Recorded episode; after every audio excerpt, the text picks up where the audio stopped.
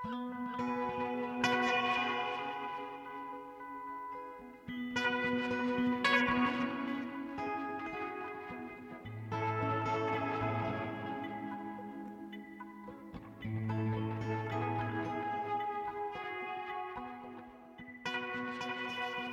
og sæl kærlustendur. Guðni Tómasson og Halla Harðardóttir hels ykkur hérna úr hljóðstofu Víðsjár 5. daginn 9. mars. Í þætti dagsins sjálf Marja May og staða hins einn fólks í Tjetjenju forvitnileg heimildamindum það málumni. Marja May sem hinn reyna mær hefur verið einn helsti innblástur listamanna af öllu tægi frá þegar hún kom fram á sjónasviðið. Hinn reyna og óflekkaða mær er þó ekki svo óflekkuð í huga allra og í setni tíð hafa feminískir guðfræðingar varpa ljósi á allskins útgáfur af Marju sem í sumun tilfellum er nærbuksnalaus og jafnvel dónaleg. Sigriður Guðmarsdóttir Guðfræðingur er einn þeirra sem tekur til máls á hugvísendaþingi Háskóla Íslands á morgun. Þar mun hún fjalla um byrtingarmyndir Marju í nýri salmabók þjóðkirkjunar með vísan í fræðimenn og myndlistaverk Kristínar Gunnlaugsdóttur Sigriður Guðmarsdóttir verður gestur okkar í dag. En við hefjum þáttinn á því að huga að Tjetjenju sem er líðveldi innan rúsnarska ríkjasambansins það er á milli Svartahafs og Kaspíahafs ef við sjáum landakortið fyrir ykkur og við ætlum að huga að heimildamind sem verður sínd um helgina í Reykjavík.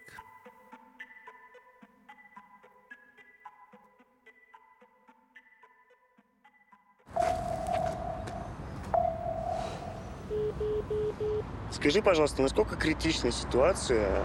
Дело в том, что мой дядя узнал про мою ориентацию вот недавно. Ого. Он в любом случае меня убьет. Аня, мы приедем. Мы начали получать первые сообщения из Чечни о том, что в Чечне происходит массовое задержание геев.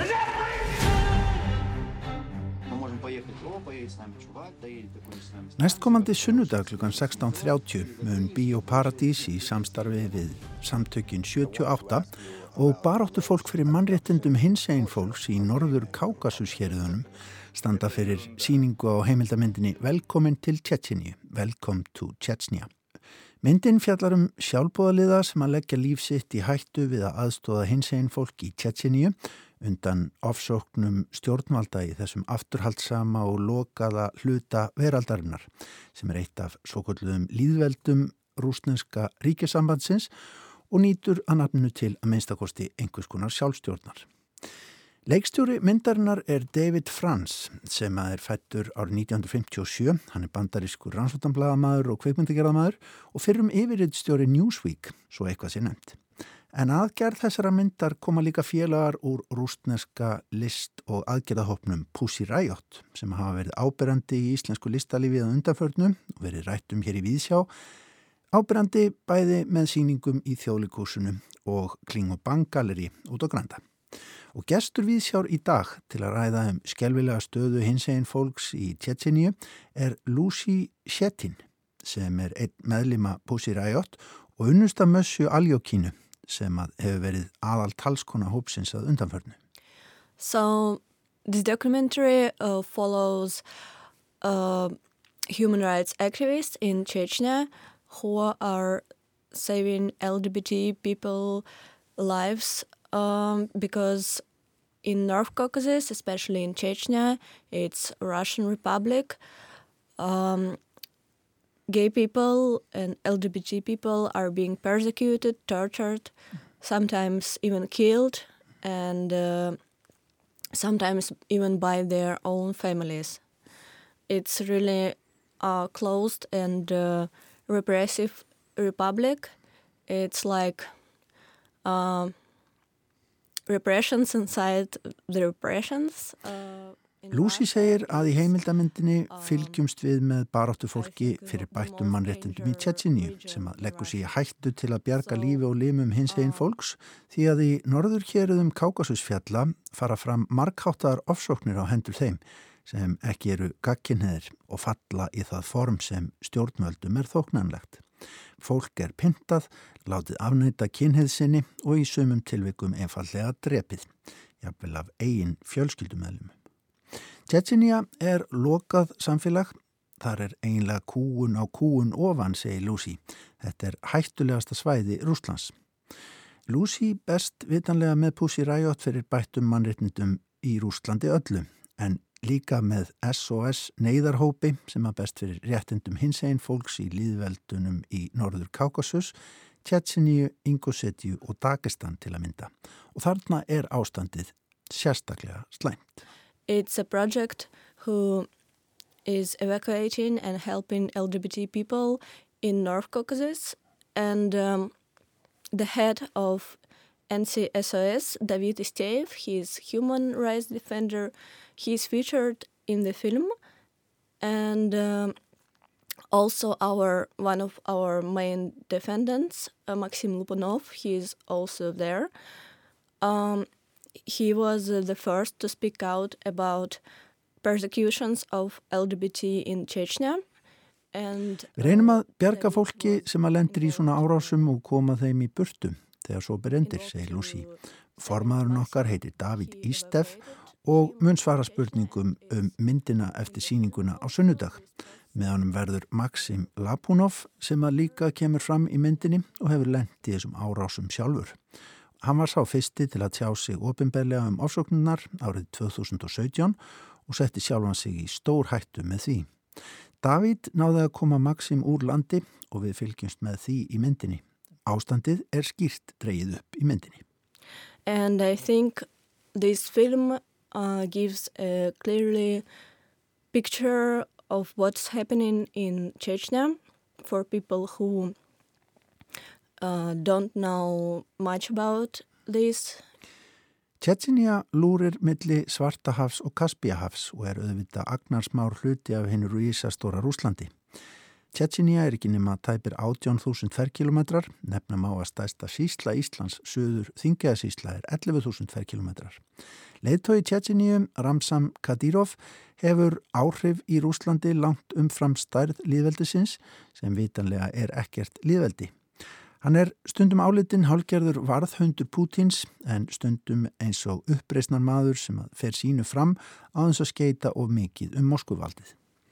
Chechnya, we could uh, call it um, also occupied by Russia territory because there were two wars, one in 90s and one uh, in the beginning of 2000s and it was also Russian occupation because uh, before it was uh, Chechen people, they wanted uh, to... Lúsi rifjar upp að hægt sé að halda því fram að Tjetsinja sé í raun herrtekið svæði Rúslands eftir stríðin 2, það fyrst á tíunda áratögnum og síðan í upphafi nýrar aldar. Þarna eru miklar hugmyndir um sjálfstjórn og sjálfstæði sem ekki eru sérstaklega vinsælar hjá Moskvuvaldinu. Og Ramsam Kadyrov er í raun leppur fyrir Kreml. Óður hundur í bandi er kannski besta samlíkingin. Then they put uh, their man, Ramzan Kadyrov, who is crazy maniac. And uh, now Chechnya lives um, by their own rules and laws, uh, Muslim laws. I'm, I wouldn't call it even Muslim because it's like uh, have nothing to do with the religion. It's just repressive madness. They just kill people and uh, no one is investigating it. And Putin and Russian authorities, Moscow uh, police, uh, they are all afraid of uh, Chechen um, power forces and um, uh, so they give them money they are funding everything they do and um, they don't uh, investigate their crimes and moreover Í Tjetsinju byggu árið 2021 eitthvað ríflega 1,5 miljón íbúa, engum Íslamstrúar. Höfuborgin heitir Grotsny og við höfum allt og oft tert um hana með að við margar aðra slíkar. En Lucy segir að samfélagsgerðin þarna og lagakerfið hafi lítið með Íslam og trú að gera. Þetta er fyrst og fremst kúunarsamfélag þar sem glæpahópar koma sínu fram með stuðningi stjórnvalda. Moskva er líka lavandi hrætt við völdin sem að þarna eru en stjórnarherratnir þar þurfa samt að halda tjetsiníumönnum góðum og beina fjármönnum inn á svæðið. Mannrindabrót og glæpir eru ekki rannsakaður og oft er létt undir með mannránum og grimdarverkum tjetsiníumanna víðar um ríkjasambandið. Valdinu á svæðinu eru sem sagt ekki sett neyn mörg. Chechen authorities, they don't have any boundaries in Russia. Tjetsinja er algjörlega karlægt samfélag það sem réttindi kvenna eru einnig fótum tróðin. Það eru algjörlega undir hæl karlmannsins, geta stundum varla farið út úr húsi og geta ofta ekki afla sér mentunar eða sjálfstæðis. There's also the problem that in Chechnya people, they're like, they raise people not independent at all, and especially women, they are not allowed to um, live separate, uh, to get education, to go to work. Sometimes they are not allowed even to leave home without men. Uh, so when girls uh, they're running from domestic violence um, or any violence uh, and they like get to safe countries they have to start their own life separate life and um, it's a usual thing that they just um, don't know how to live alone because um, they just don't have any experience of that because first half of their life they uh, live with parents and then parents just um, Lucy segir stöðu hins einn fólks erfiða í öllum héruðum norður Kákasussvæðisins en erfiðust hún í Tjetsinju því að ofsóknirnar hófust fyrst þar. Um, it started in Chechnya uh, because uh, Ramzan Kadyrov uh, he says that there are no such dirty perverted people in Chechnya. He denies uh, if there is any information about gays in Chechnya, but in fact, he created prisons for gay people and um, Lucy segir Ramzan Kadyrov algjörlega afneita því að hins einn fólk sé yfir höfuð að finna í Tjetsinju sem að kemur illa saman við ofsóknirnar og fangelsin sem hann hefur sjálfuð komið upp sérstaklega fyrir hins einn fólk. Þannig er fólki rænt, það pintað og láti gefa upp nöfn annars fólks en líka er tekið höndum. Þetta er eins og veiðar. It's um, like hunting.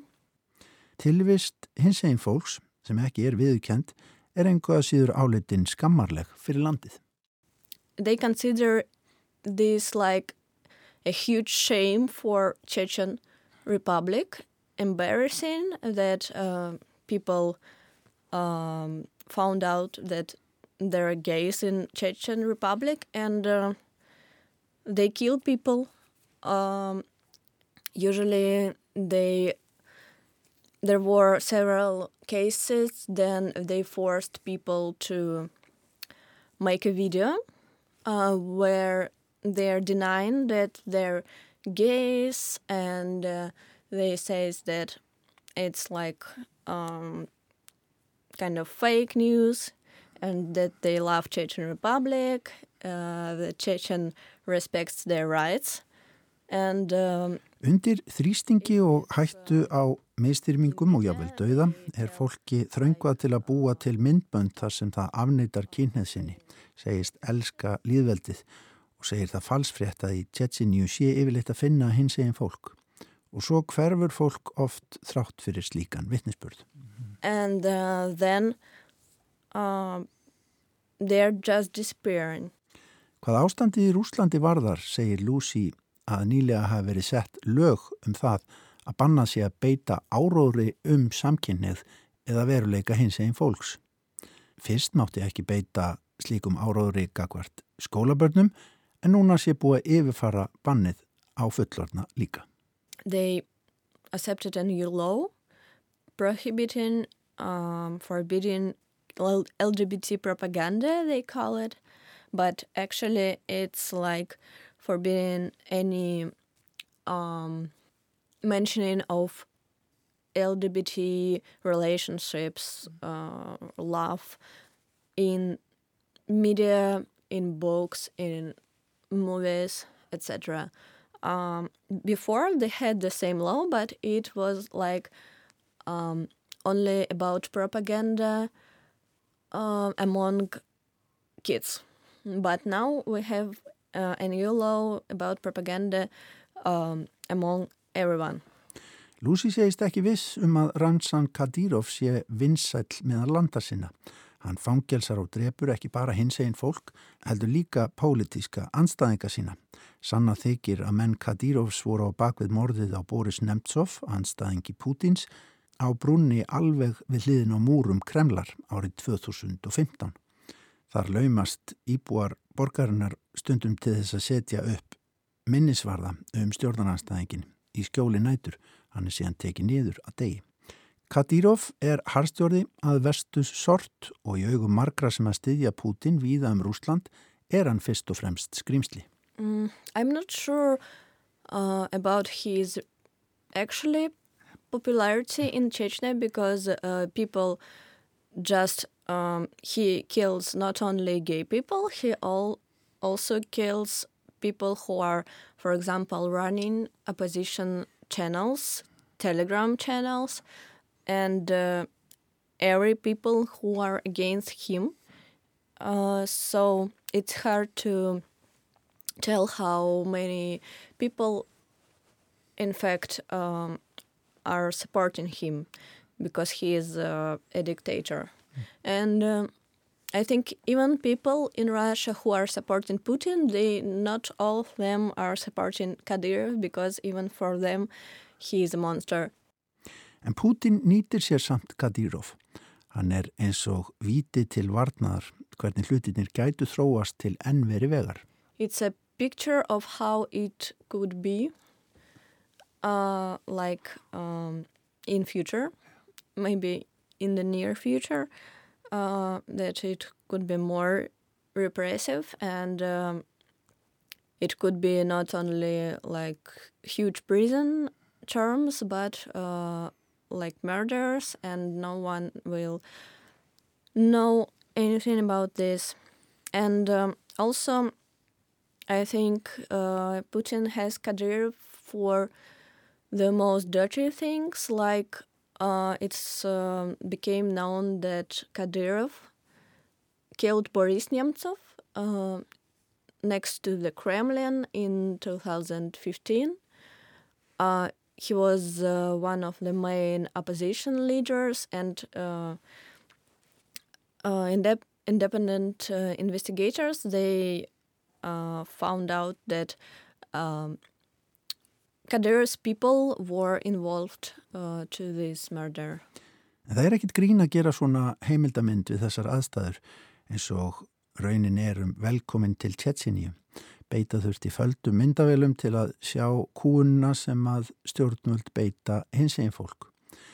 Við fylgjum Davíd leðtóa baróttu hópsins eftir og kynnumst þeim sem að þurft hafa að upplifa ofsóknirnar og reyndir að bjarga. En hins einn fólkið í Norður Kákasus héröðunum og í Tjetsinju er í raun inn í króað og kannski sem aldrei fyrr því að íbúanir tilherra jú Rúslandi sem hafið hefur árásastrið sem heimsbyðin fylgist með þessi dærin. Það er ekki hlaupið að því að fá vegabrjöfs árutun fyrir þá sem að þurfa að komast úr landi til að bjarga lífi sínu. Ekki sé nóg að komast bara burt innan lands í Rúslandi útsendarar Kadírovs eru um allt land og Evrópa er hrætt við tjetsinjumenn. Það er erfitt að finna út úr því hverjir þurfa skjól í raun og veru og hverjir séu jafnvel hundar Kadyrovs.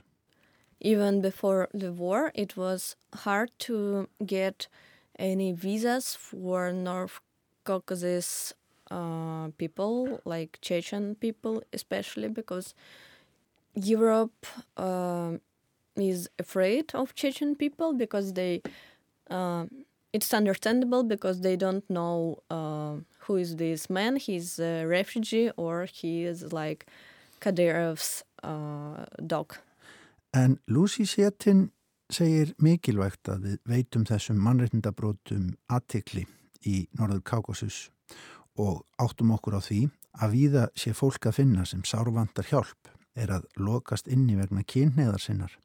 Rússar eru allir settir saman í einn hóp og ekki álitnir af pólitíkusum Evrópu fórnarlömp við núverandi stöðu, sama hver stað þeirra er síðan í raun og veru.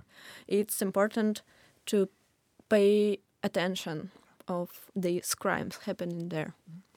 Pay attention that uh, these people, uh, they actually need asylums and uh, I heard it from European politicians and even from Icelandic politicians that Russians are not actually victims, so they don't deserve any asylums. Um, and uh, I want people to see this movie because about Russian victims, and um, it's important to know that not Russians are like that, and um, that it's important uh, to uh, make immigration rules more flexible. Heimildamindin velkomin til Tjetsinju verður sínt í Bíóparadís klukkan 16.30 á sunnudag og verður rætt eftir síningu. Viðburðurinn er ókeipis og er samstarf samtakana 78 og baráttu fólksins í Norður Kaukasus hérðanum. Við þökkum Lucy Setin fyrir komuna í Víðsjá í dag og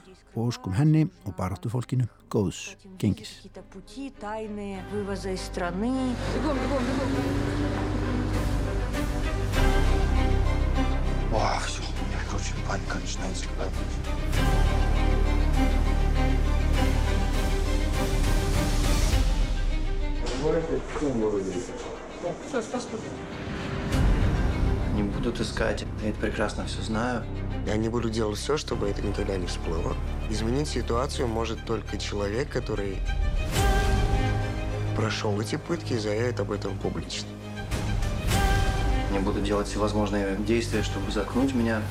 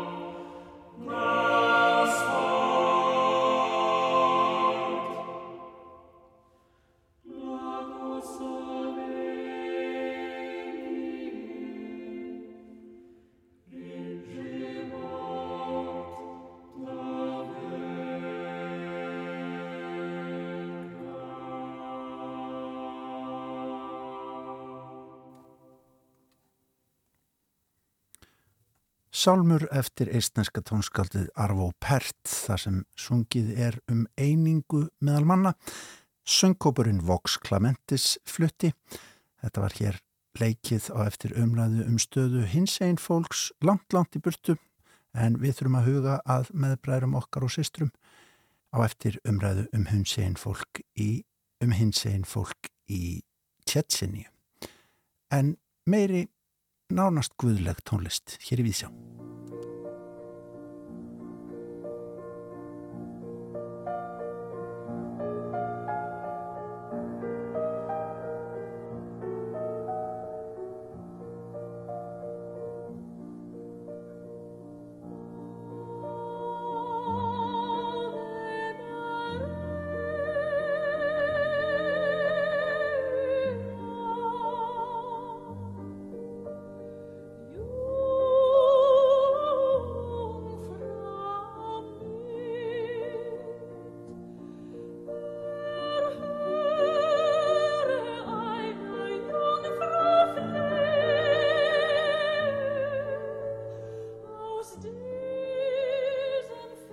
Hér yfir einhverri frægustu melodíu Schuberts er sungið um hérna hreinu og óflekkuðu mær, Ave Maríu. Listasagan er uppfull af mismunandi útgáfum af Maríu mei og endalust er til af guðdomlega fallari tónlist sem er saman til dýrðar Ave Maríu, heilari guðsmóður.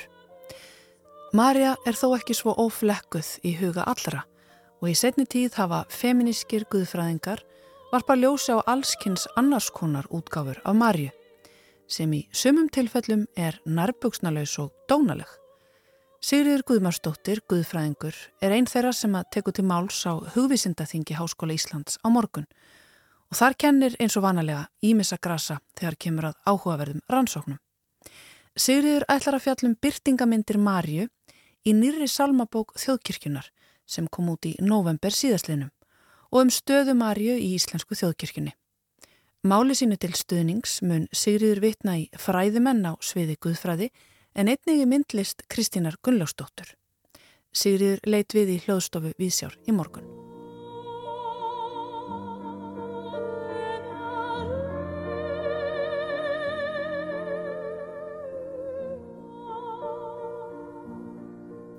Velkomin Sigriður.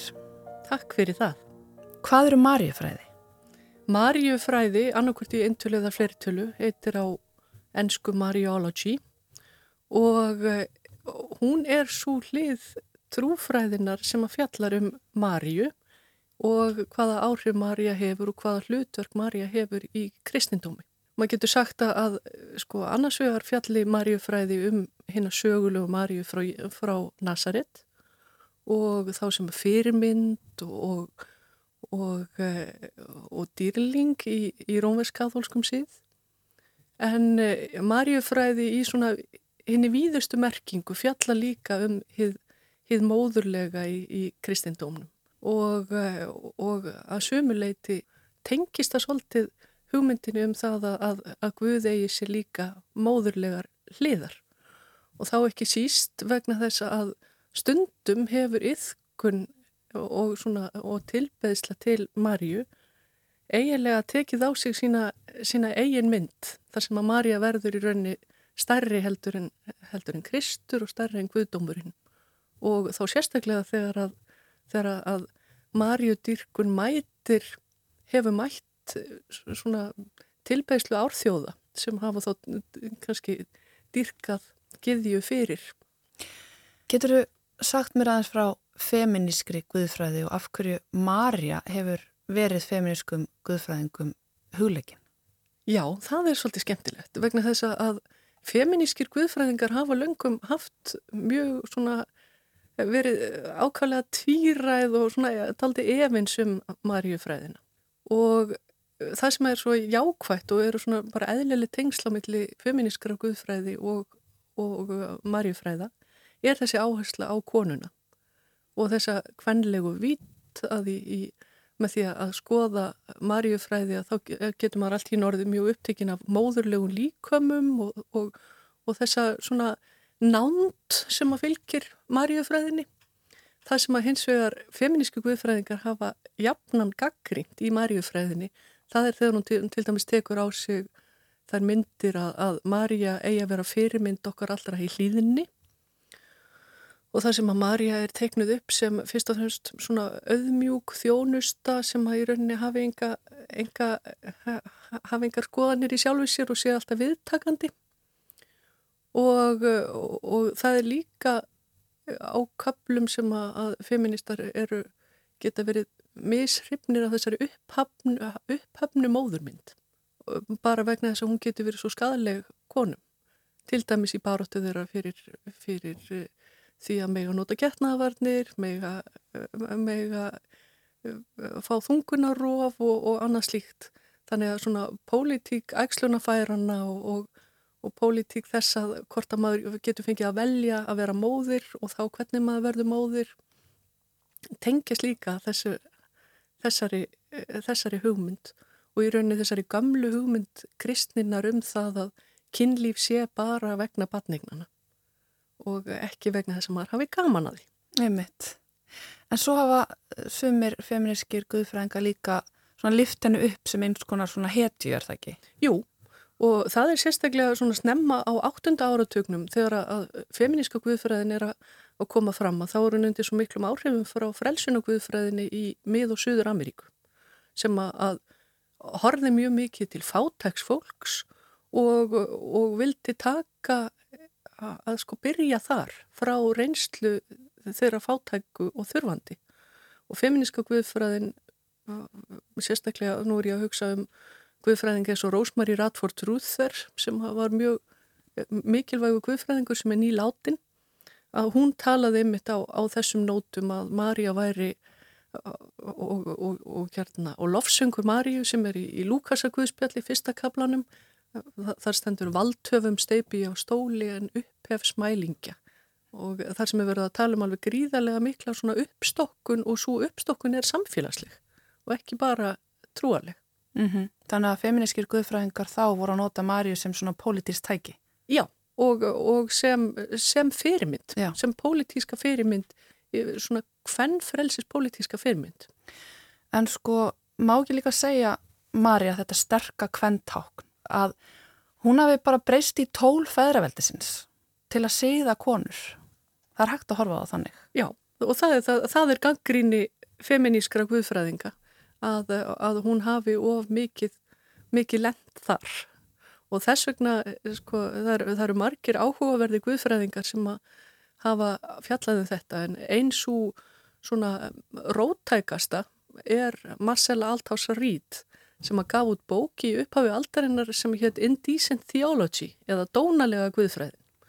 Og þessi bók gekk út frá því að, að hugmyndir til dæmis um, um það að vera eilíf jómfrú og þessi móðurmynd að þær væru, þær væru yfirstjættarlegar vegna þess að þegar Marcella Althaus Reed var argentískur guðfræðingur og undir miklum áhrifum frá frelsuna guðfræðinni Og, en hún gaggrinni líka þessa gamlu frelsunugviðfræði að því hún segir sko fátæku konurnar sem eru á göttum búinus æris og eru þar að selja sítrónur, þær hafa bara ekkit efnaði að vera jónfrúr.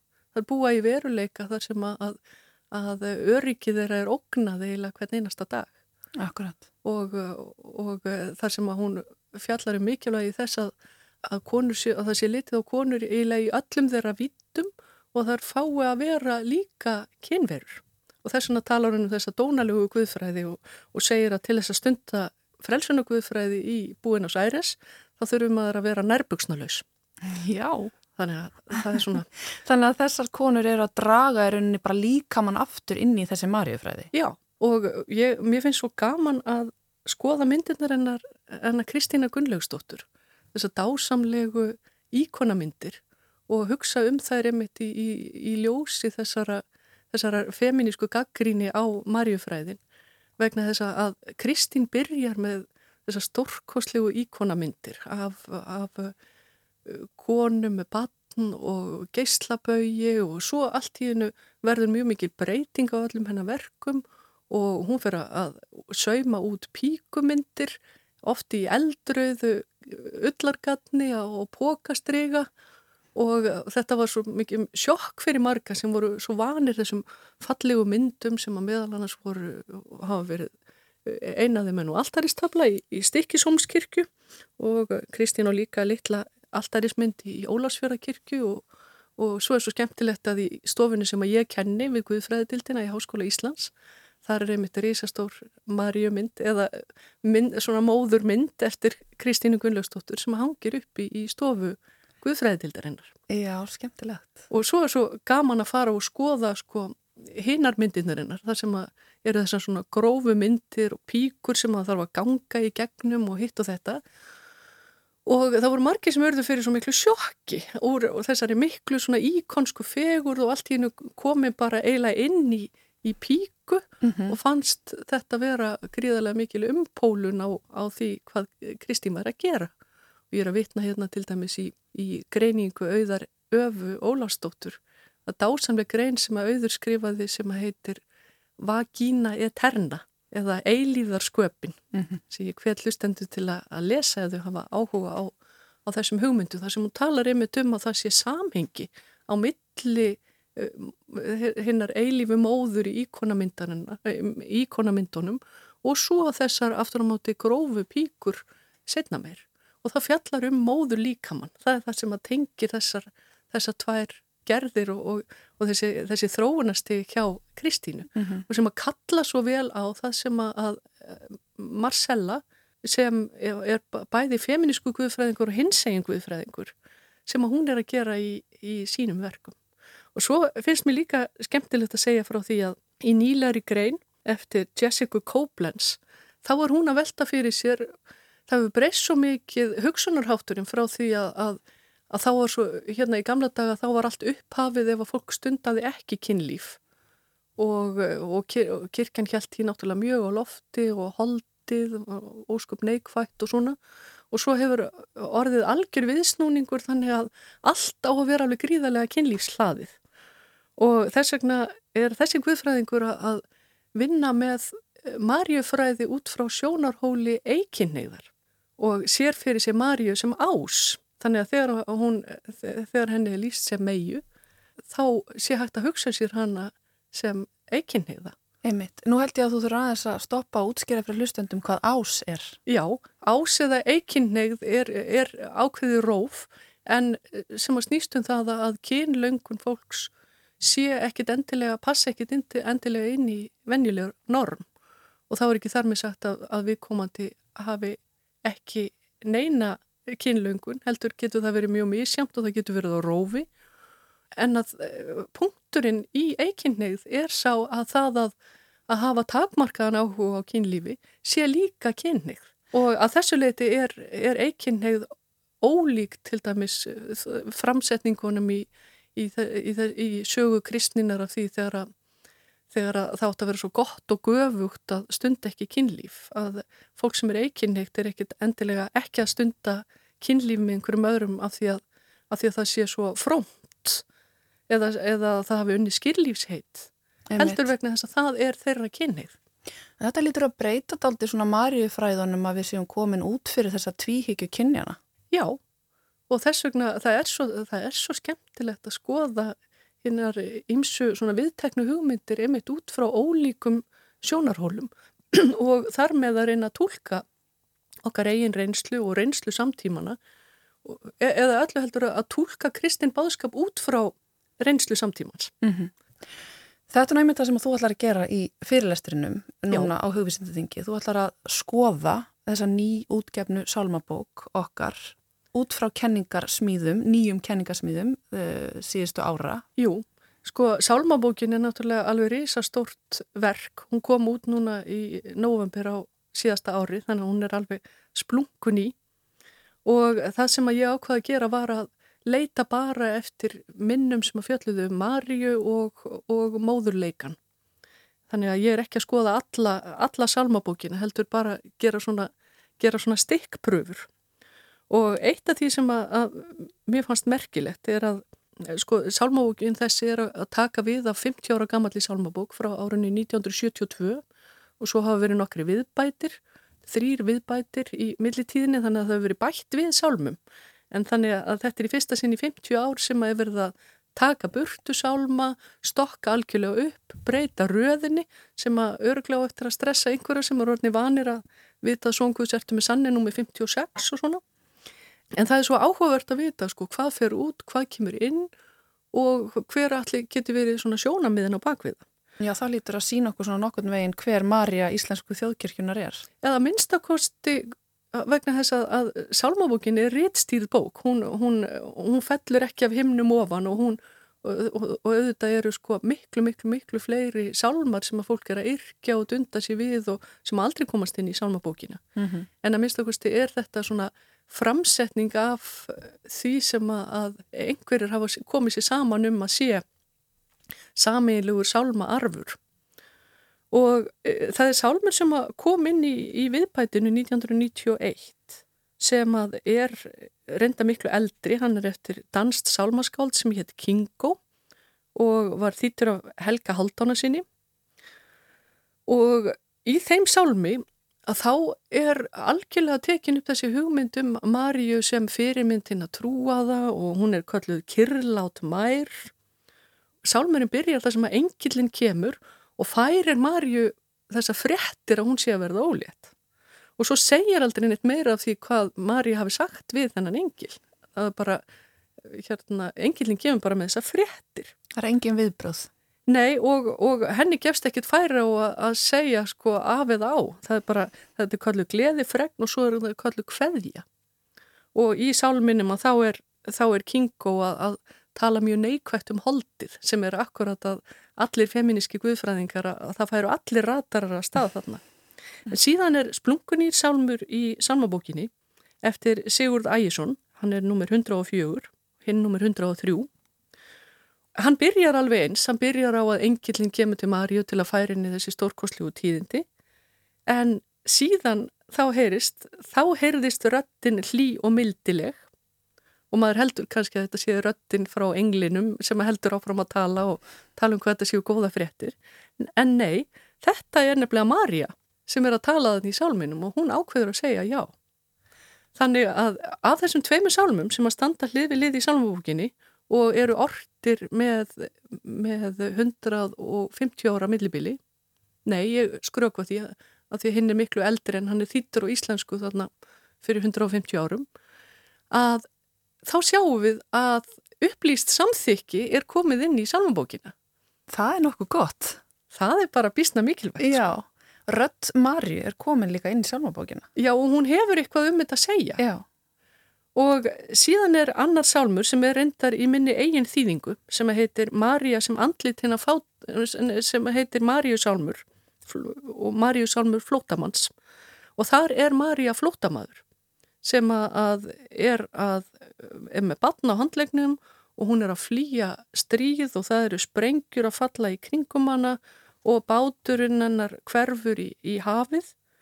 Og, og versið endar alltaf á á þessu stefi fyndir þú mér friðsælt skjól. Og þetta er sálmur sem að, að rýmar mjög vel við það sem Rósmeri Ratford Rúþer var að segja, það sem að Marja nemur staðar með fátæku fólki mm -hmm. og krefur mann svara um að gera eitthvað.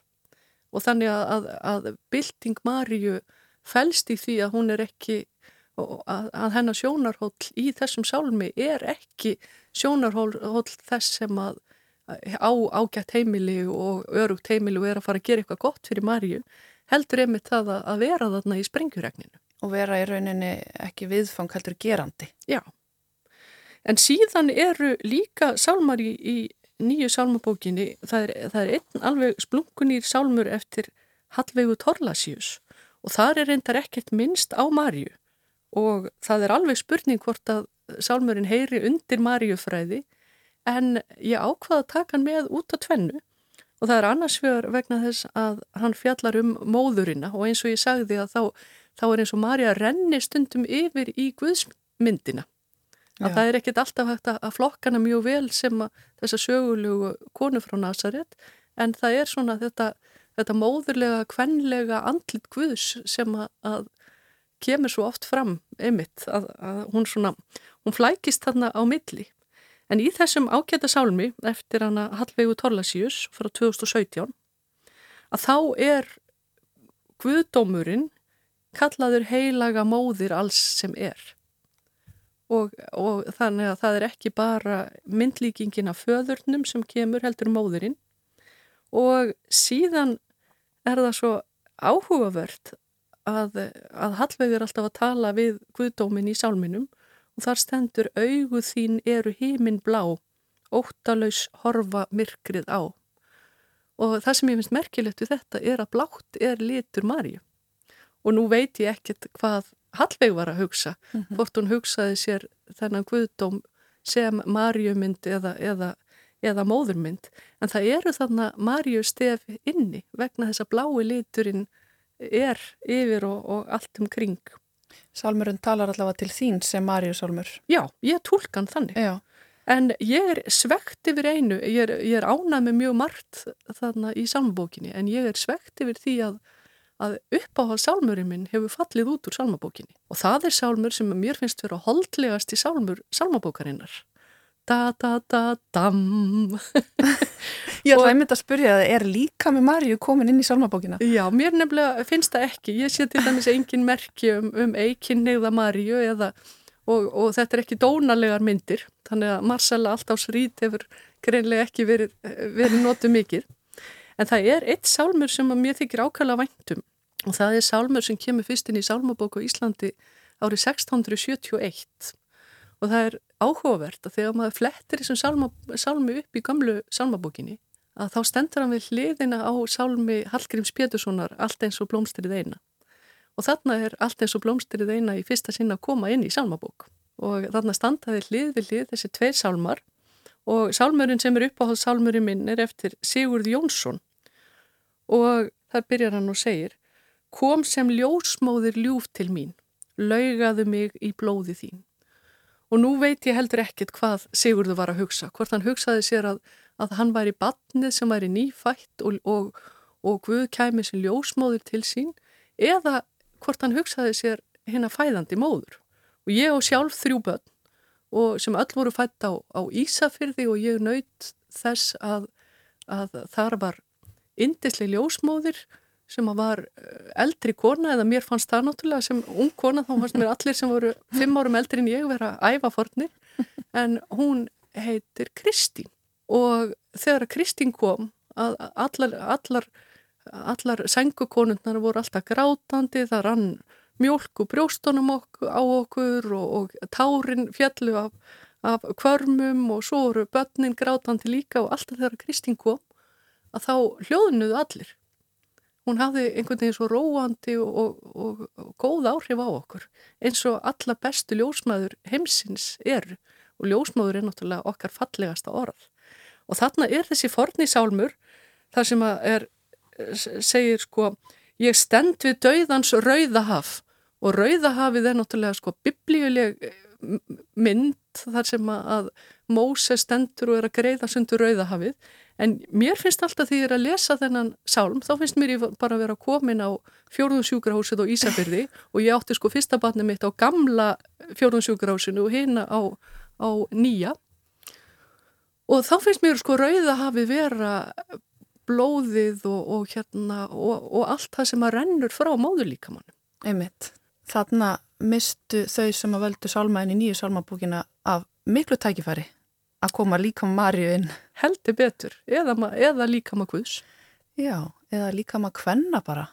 Sko, þú talar um Rauðahafið, ég sé auðvitað bara fyrir mér fæðingu, örgulega margar konur sem átt börn sem sjá það fyrir sér, en líka kannski bara verk Kristínar Gunnlaus og þar kannski getur við loka hringnum. Já. Það vantar kannski líka með Kvenna inn í þessa salmabók og kannski vantar bara píkumynd sem alltarismynd í ykkur kirkju á Íslandi. Já, en það er ekkert rosalega langt síðan að einmitt stór píkumind eftir, eftir Kristínu var, var sínd í Grafavókskirkju og hún hjekk þar lengi uppi í kapellu.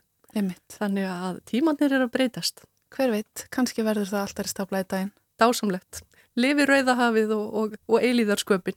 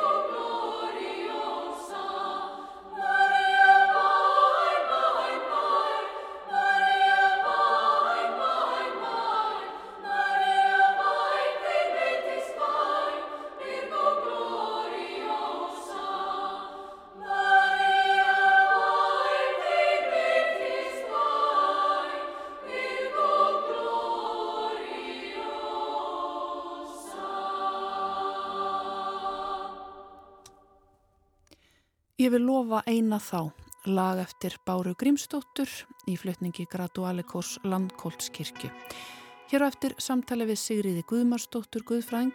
Hún flytur erindi sitt um Marju mei á hugvísindaþingi Háskóla Íslands á morgun klukkan 13.15 í 8. Dagskrá þingsins er hægt að nálgast á vefsið Háskólans. Já, heilmart forvitnilegt þar. En hér endum við viðsjá í dag ágætulustendur og endum viðsjár vikuna jafn framt, minnum á endastöð á morgun og spilararúf þar sem að hægt er að nálgast alla þætti viðsjár og svo sem margt, margt, margt fleira. Já, takk fyrir okkur og verið sæl. Verið sæl.